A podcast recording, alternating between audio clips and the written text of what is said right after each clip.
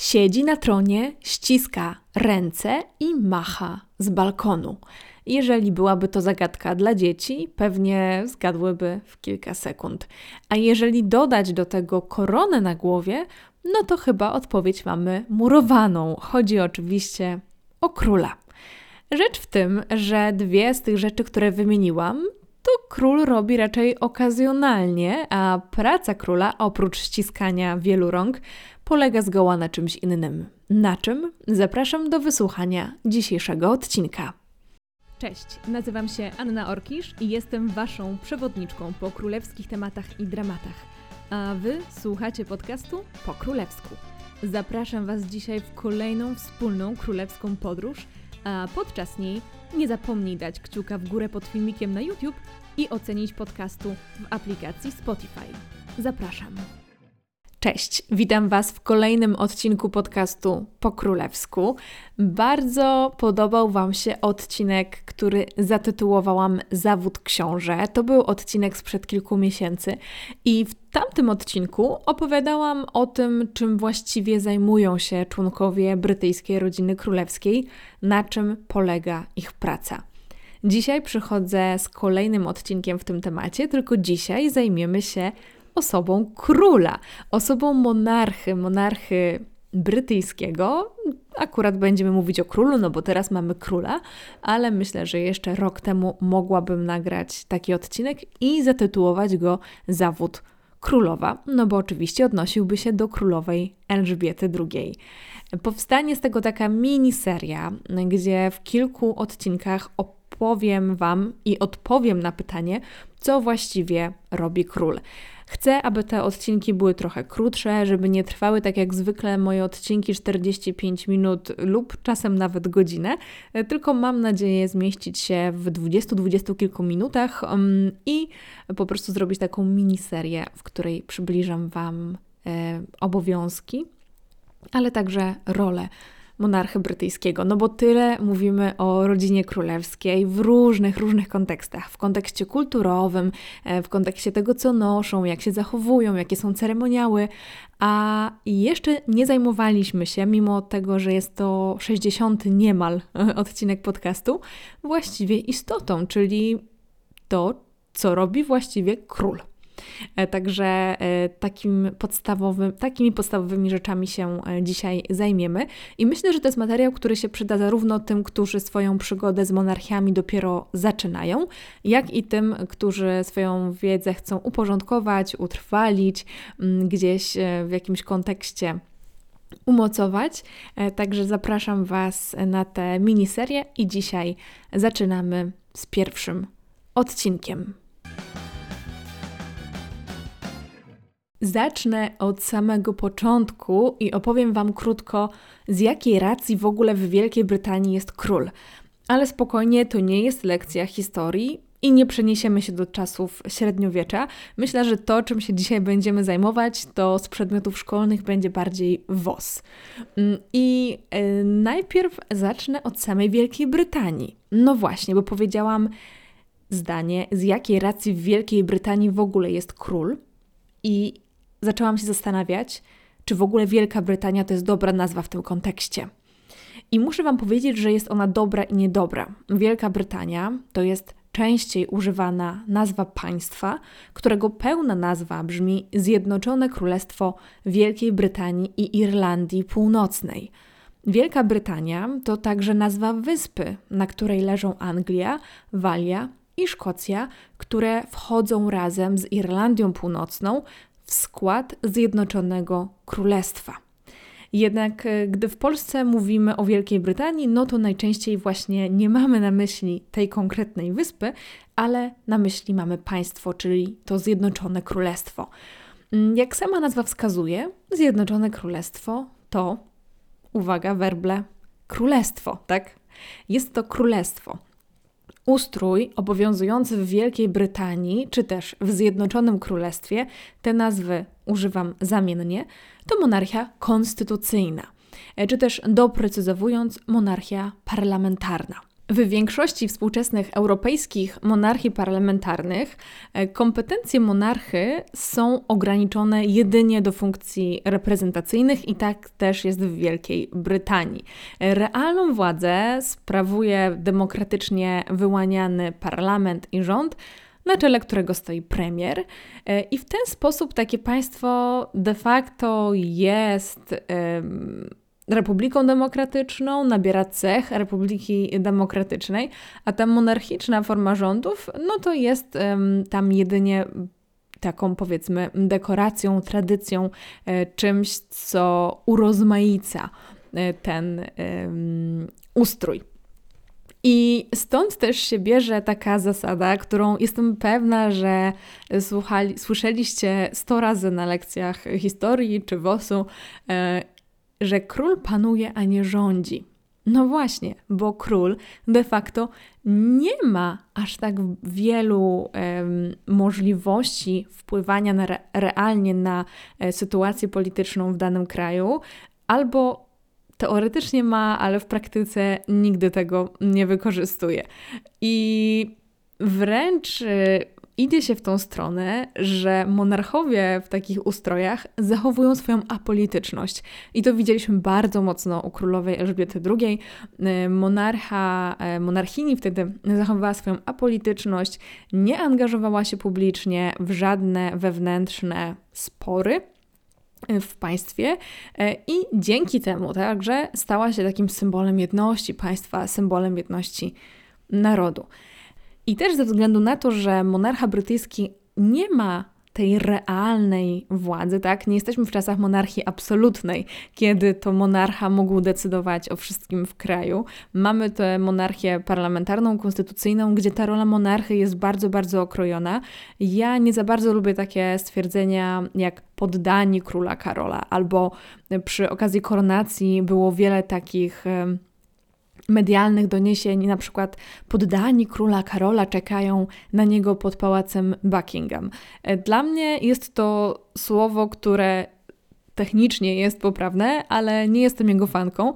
Myślę, że dużo bardziej w obecnych czasach e, pasują, pasuje nam jeżeli byśmy powiedzieli, obywatele Wielkiej Brytanii czekają na króla Karola pod pałacem Buckingham. Jest to dużo bardziej naturalne, e, bo to poddani to jest takie słowo, wydaje mi się, bardzo, bardzo, bardzo historyczne. W Wielkiej Brytanii też osoby, które realnie sprawują tę władzę, czyli na przykład premier czy rząd, są z nadania ludzkiego. Są wybierani przez swoich wyborców i z tymi i przez tych wyborców e, są tak naprawdę rozliczani przy kolejnych wyborach przypadku monarchy czegoś takiego nie ma, bo tradycyjnie wierzy się, że monarcha jest namaszczony przez Boga do swojej roli i tradycyjnie odpowiada jedynie przed Bogiem.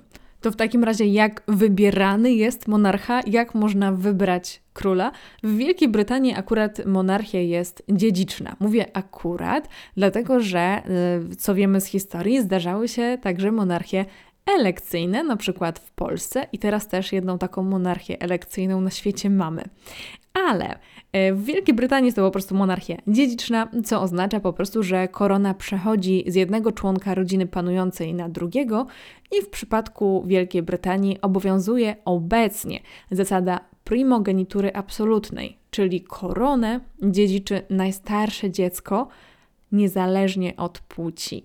W przypadku Wielkiej Brytanii obecnie oczywiście jest królem Karol III i jest on najstarszym dzieckiem królowej Elżbiety II, która zmarła w 2022 roku i w momencie śmierci Elżbiety II korona automatycznie e, przeszła na jej najstarszego syna, e, ale też najstarsze dziecko Karola III. Tutaj e, to się zmieniało, ale Kiedyś może jeszcze o tym Wam opowiem w jakimś innym odcinku, bo też nie chcę, aby ten był za długi. No i dobra, myślę, że to jest taka pigułka wiedzy, która mniej więcej porządkuje wszystko, co wiemy na temat tego, kim jest właściwie monarcha brytyjski i niby wszystko jest jasne, ale to, co jeszcze warto podkreślić, to to, że król Karol, monarcha brytyjski, nie panuje jedynie nad Wielką Brytanią. Szok i niedowierzanie. Nie no, trochę oczywistość, bo oprócz tego, że panuje nad e, Zjednoczonym Królestwem Wielkiej Brytanii i Irlandii Północnej, panuje także nad terytoriami zależnymi od korony i to jest wyspa Guernsey, Jersey i wyspa Man e, oraz nad brytyjskimi terytoriami zamorskimi. Ja nie będę tutaj wymieniała tych terytoriów zamorskich, ale e, są one rozsiane niemalże po całym świecie, a łączna populacja tych terytoriów to ponad 700, e, ponad 270 tysięcy osób. Dodatkowo jeszcze do tego wszystkiego monarcha brytyjski jest także głową wspólnoty narodów, czyli tak zwanego Commonwealthu, Często też e, tym słowem posługujemy się w Polsce i w ogóle w takiej publicystyce, e, a także e, jest głową państwa w niektórych państwach wchodzących w skład wspólnoty narodów.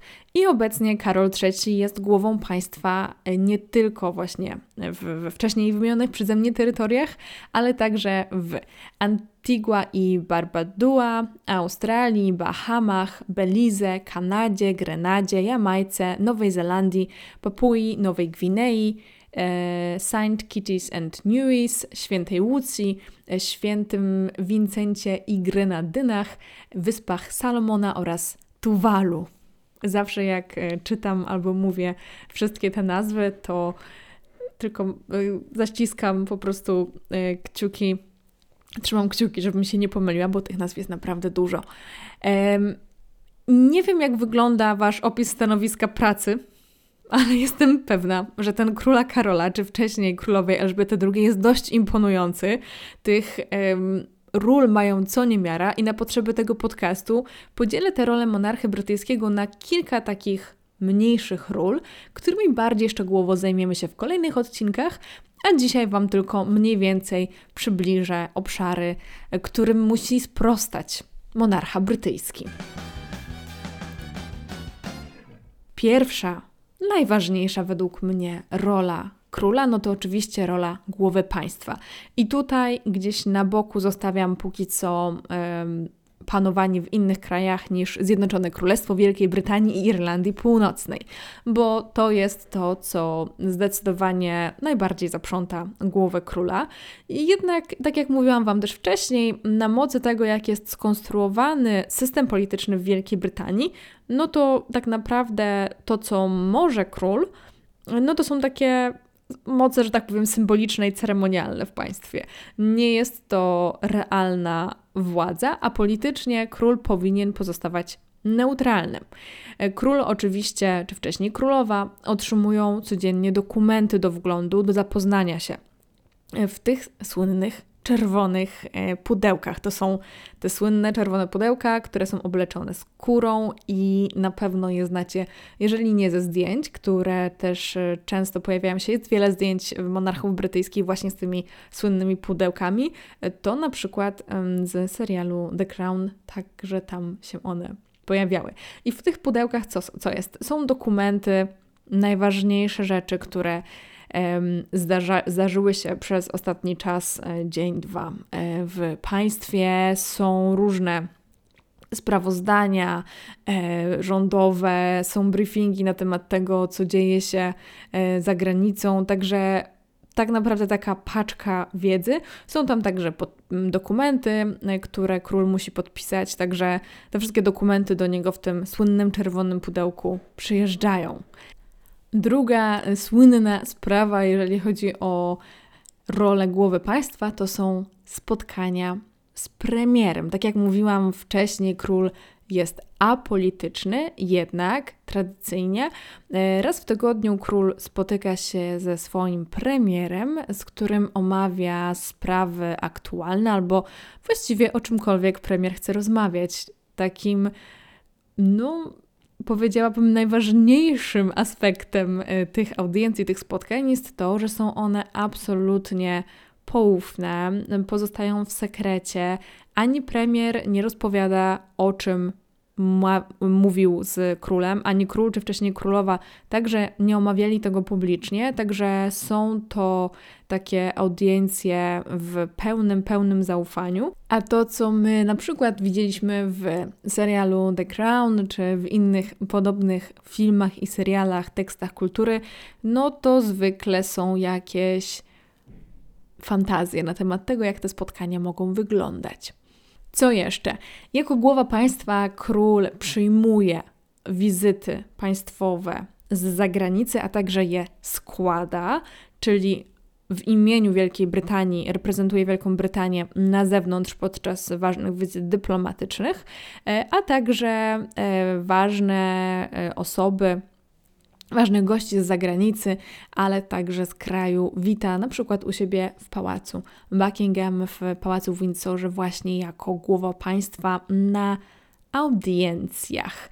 Więcej o roli króla, jego prawach, obowiązkach, także tych związanych z parlamentem, opowiem w innym odcinku z tej serii. Tam się tym zajmiemy, bo to jest dość szczegółowa sprawa, ciekawa, bo zostało kilka takich zaszłości z przeszłości, um, które no, na przykład jak otwarcie parlamentu mogą teraz e, sprawiać, że nasze brwi idą trochę do góry i generalnie myślimy, co tutaj się dzieje, e, ale są to też e, kwestie właśnie tradycji i roli monarchy jako głowy państwa.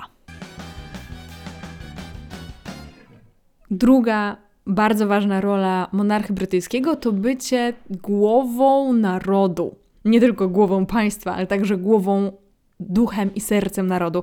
I ja sobie zdaję sprawę z tego, że nie wszyscy Brytyjczycy są monarchistami, absolutnie, i mogą powiedzieć, że oni uważają, że głową narodu jest David Beckham, a nie król Karol III. W porządku, ale tu chodzi mm, generalnie o takie funkcje, z których my też chyba najlepiej znamy króla, czy wcześniej królową, czyli uczestniczenie w jakichś specjalnych wydarzeniach które dzieją się w kraju. E, nie wiem, na przykład w Igrzyskach Olimpijskich, tak? E, czy w jakichś dużych wydarzeniach o randze sportowej czy kulturowej. E, wygłaszanie ogólnonarodowych przemów, takie na przykład jak E, słynne przemówienie e, bożonarodzeniowe, czy przemówienie takie okolicznościowe, jakie wygłosiła na przykład królowa Elżbieta II w 2020 roku, e, kiedy wybuchła pandemia. Chodzi także o udział w takich tradycjach, jak na przykład Trooping the Color. Król także uznaje osiągnięcia obywateli Wielkiej Brytanii i przyznaje różne ordery, odznaczenia za różne zasługi za pracę także na rzecz społeczności, ale także za e, promowanie na przykład Wielkiej Brytanii.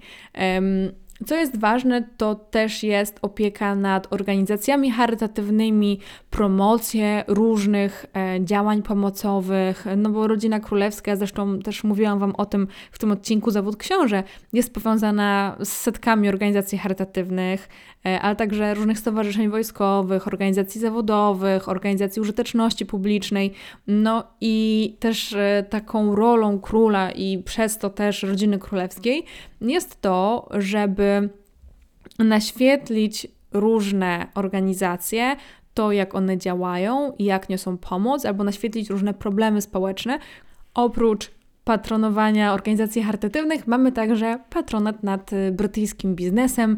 No jest to promocja brytyjskich przedsiębiorstw, przedsiębiorstw między innymi przez nadanie Royal Warrants, czyli to są takie królewskie znaki jakości, taki znak oficjalnego dostawcy na dwór królewski, co może podnieść prestiż takiego przedsiębiorstwa i rozpromować na przykład właśnie faktem bycia e, dostawcą na dwór królewski na rynkach międzynarodowych. I jeszcze trzy role, które są ważne, które można spokojnie wyodrębnić z tego, e, jakie są obowiązki króla. I pierwsza to jest bycie szefem sił zbrojnych, tak jak na przykład w Polsce e, szefem sił zbrojnych jest e, prezydent, tak samo w mm, Wielkiej Brytanii szefem sił, sił zbrojnych jest król i e, w ogóle mamy ogromne, bardzo silne powiązania rodziny królewskiej, także samego króla właśnie z siłami zbrojnymi. Kolejna kwestia to by jest mm, rola e, głowy wspólnoty narodów. Troszkę już Wam powiedziałam o wspólnocie narodów. Nie chodzi tylko o to, że e, król jest e, głową państwa w tych 14 państwach, które Wam wymieniłam wcześniej, ale także głową całej organizacji, e, która nazywa się The Commonwealth of Nations, czyli po prostu wspólnota narodów, która wywodzi się z dawnego Imperium Brytyjskiego. No i ostatecznie e, w 1949 roku na mocy deklaracji londyńskiej uznano króla Jerzego VI właśnie za głowę wspólnoty narodów, e, a przed śmiercią królowej Elżbiety II przegłosowano, że Karol kiedy zostanie królem, także będzie głową wspólnoty narodów. To, jak pamiętamy, na pewno była bardzo ważna funkcja dla królowej Elżbiety II. No i ostatnia funkcja, rola, którą także łatwo można wyodrębnić, to jest rola głowy kościoła anglikańskiego. Myślę, że zdecydowanie to rzucało się w oczy podczas koronacji, niedawnej koronacji Karola III, ponieważ monarcha Brytyjski jest nazywany obrońcą wiary i najwyższym gubernatorem Kościoła Anglikańskiego, czy najwyższym zwierzchnikiem Kościoła Anglikańskiego. Monarcha pełni tę rolę od czasu e, założenia Kościoła Anglikańskiego przez Henryka VIII, no więc e, od XVI wieku, troszkę długo. Duchowym przywódcą kościoła jest arcybiskup e, Canterbury, ale rola króla, y, właśnie ta ceremonialna rola króla, to jest jednak głowa kościoła anglikańskiego. Tak więc nie jest y, duchowym przywódcą, ale jednak jest tą głową. I y, Oprócz głowy kościoła anglikańskiego, także król jest związany, składa przysięgę zachowania Kościoła Szkocji, ale poza tym nie uczestniczy jakoś w zarządzaniu Kościołem Szkocji. Głównie tutaj jednak w kontekście monarchii brytyjskiej mówimy o tym kościele anglikańskim. Oczywiście to nie znaczy, że to jest absolutny monopol i że król uważa, że tylko ta religia powinna być w Wielkiej Brytanii. Tak e, absolutnie nie jest, ponieważ nawet e, Karol III w swoim inauguracyjnym przemówieniu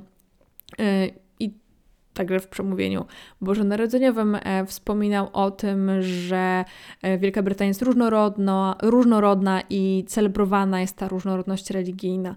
Także e, tutaj absolutnie nie ma wątpliwości. To, że monarcha jest głową kościoła anglikańskiego, to oczywiście nie znaczy, że jest to religia absolutnie obowiązująca każdego obywatela tego kraju. Zresztą, co widzieliśmy także na koronacji, widzieliśmy przedstawicieli różnych wiar, różnych wyznań, różnych religii, także e, Wielka Brytania e, jest krajem różnorodnym religijnie, mimo tego, że król Karol III jest głową kościoła anglikańskiego. E, to są te role, które ja wyodrębniłam też z pomocą różnych źródeł oficjalnych, e, które dostarcza rodzina królewska i organizacje wokół niej. E, tymi rolami będziemy się zajmować w kolejnych odcinkach. Myślę, że szczególnie ciekawe są trzy dla mnie e, ta konstytucyjna rola, rola głowy państwa, rola głowy narodu, serca narodu, ducha narodu, a także rola głowy wspólnoty narodów. Myślę, że na pewno tymi dwoma pierwszymi zajmiemy się w kolejnych odcinkach z tej miniserii. Dziękuję Wam bardzo za wysłuchanie tego dzisiaj krótszego wstępu, krótszego odcinka, jeżeli chodzi o to, co właściwie robi król, czym się zajmuje, na czym polega jego praca i słyszymy się już za tydzień. Do usłyszenia, pa pa!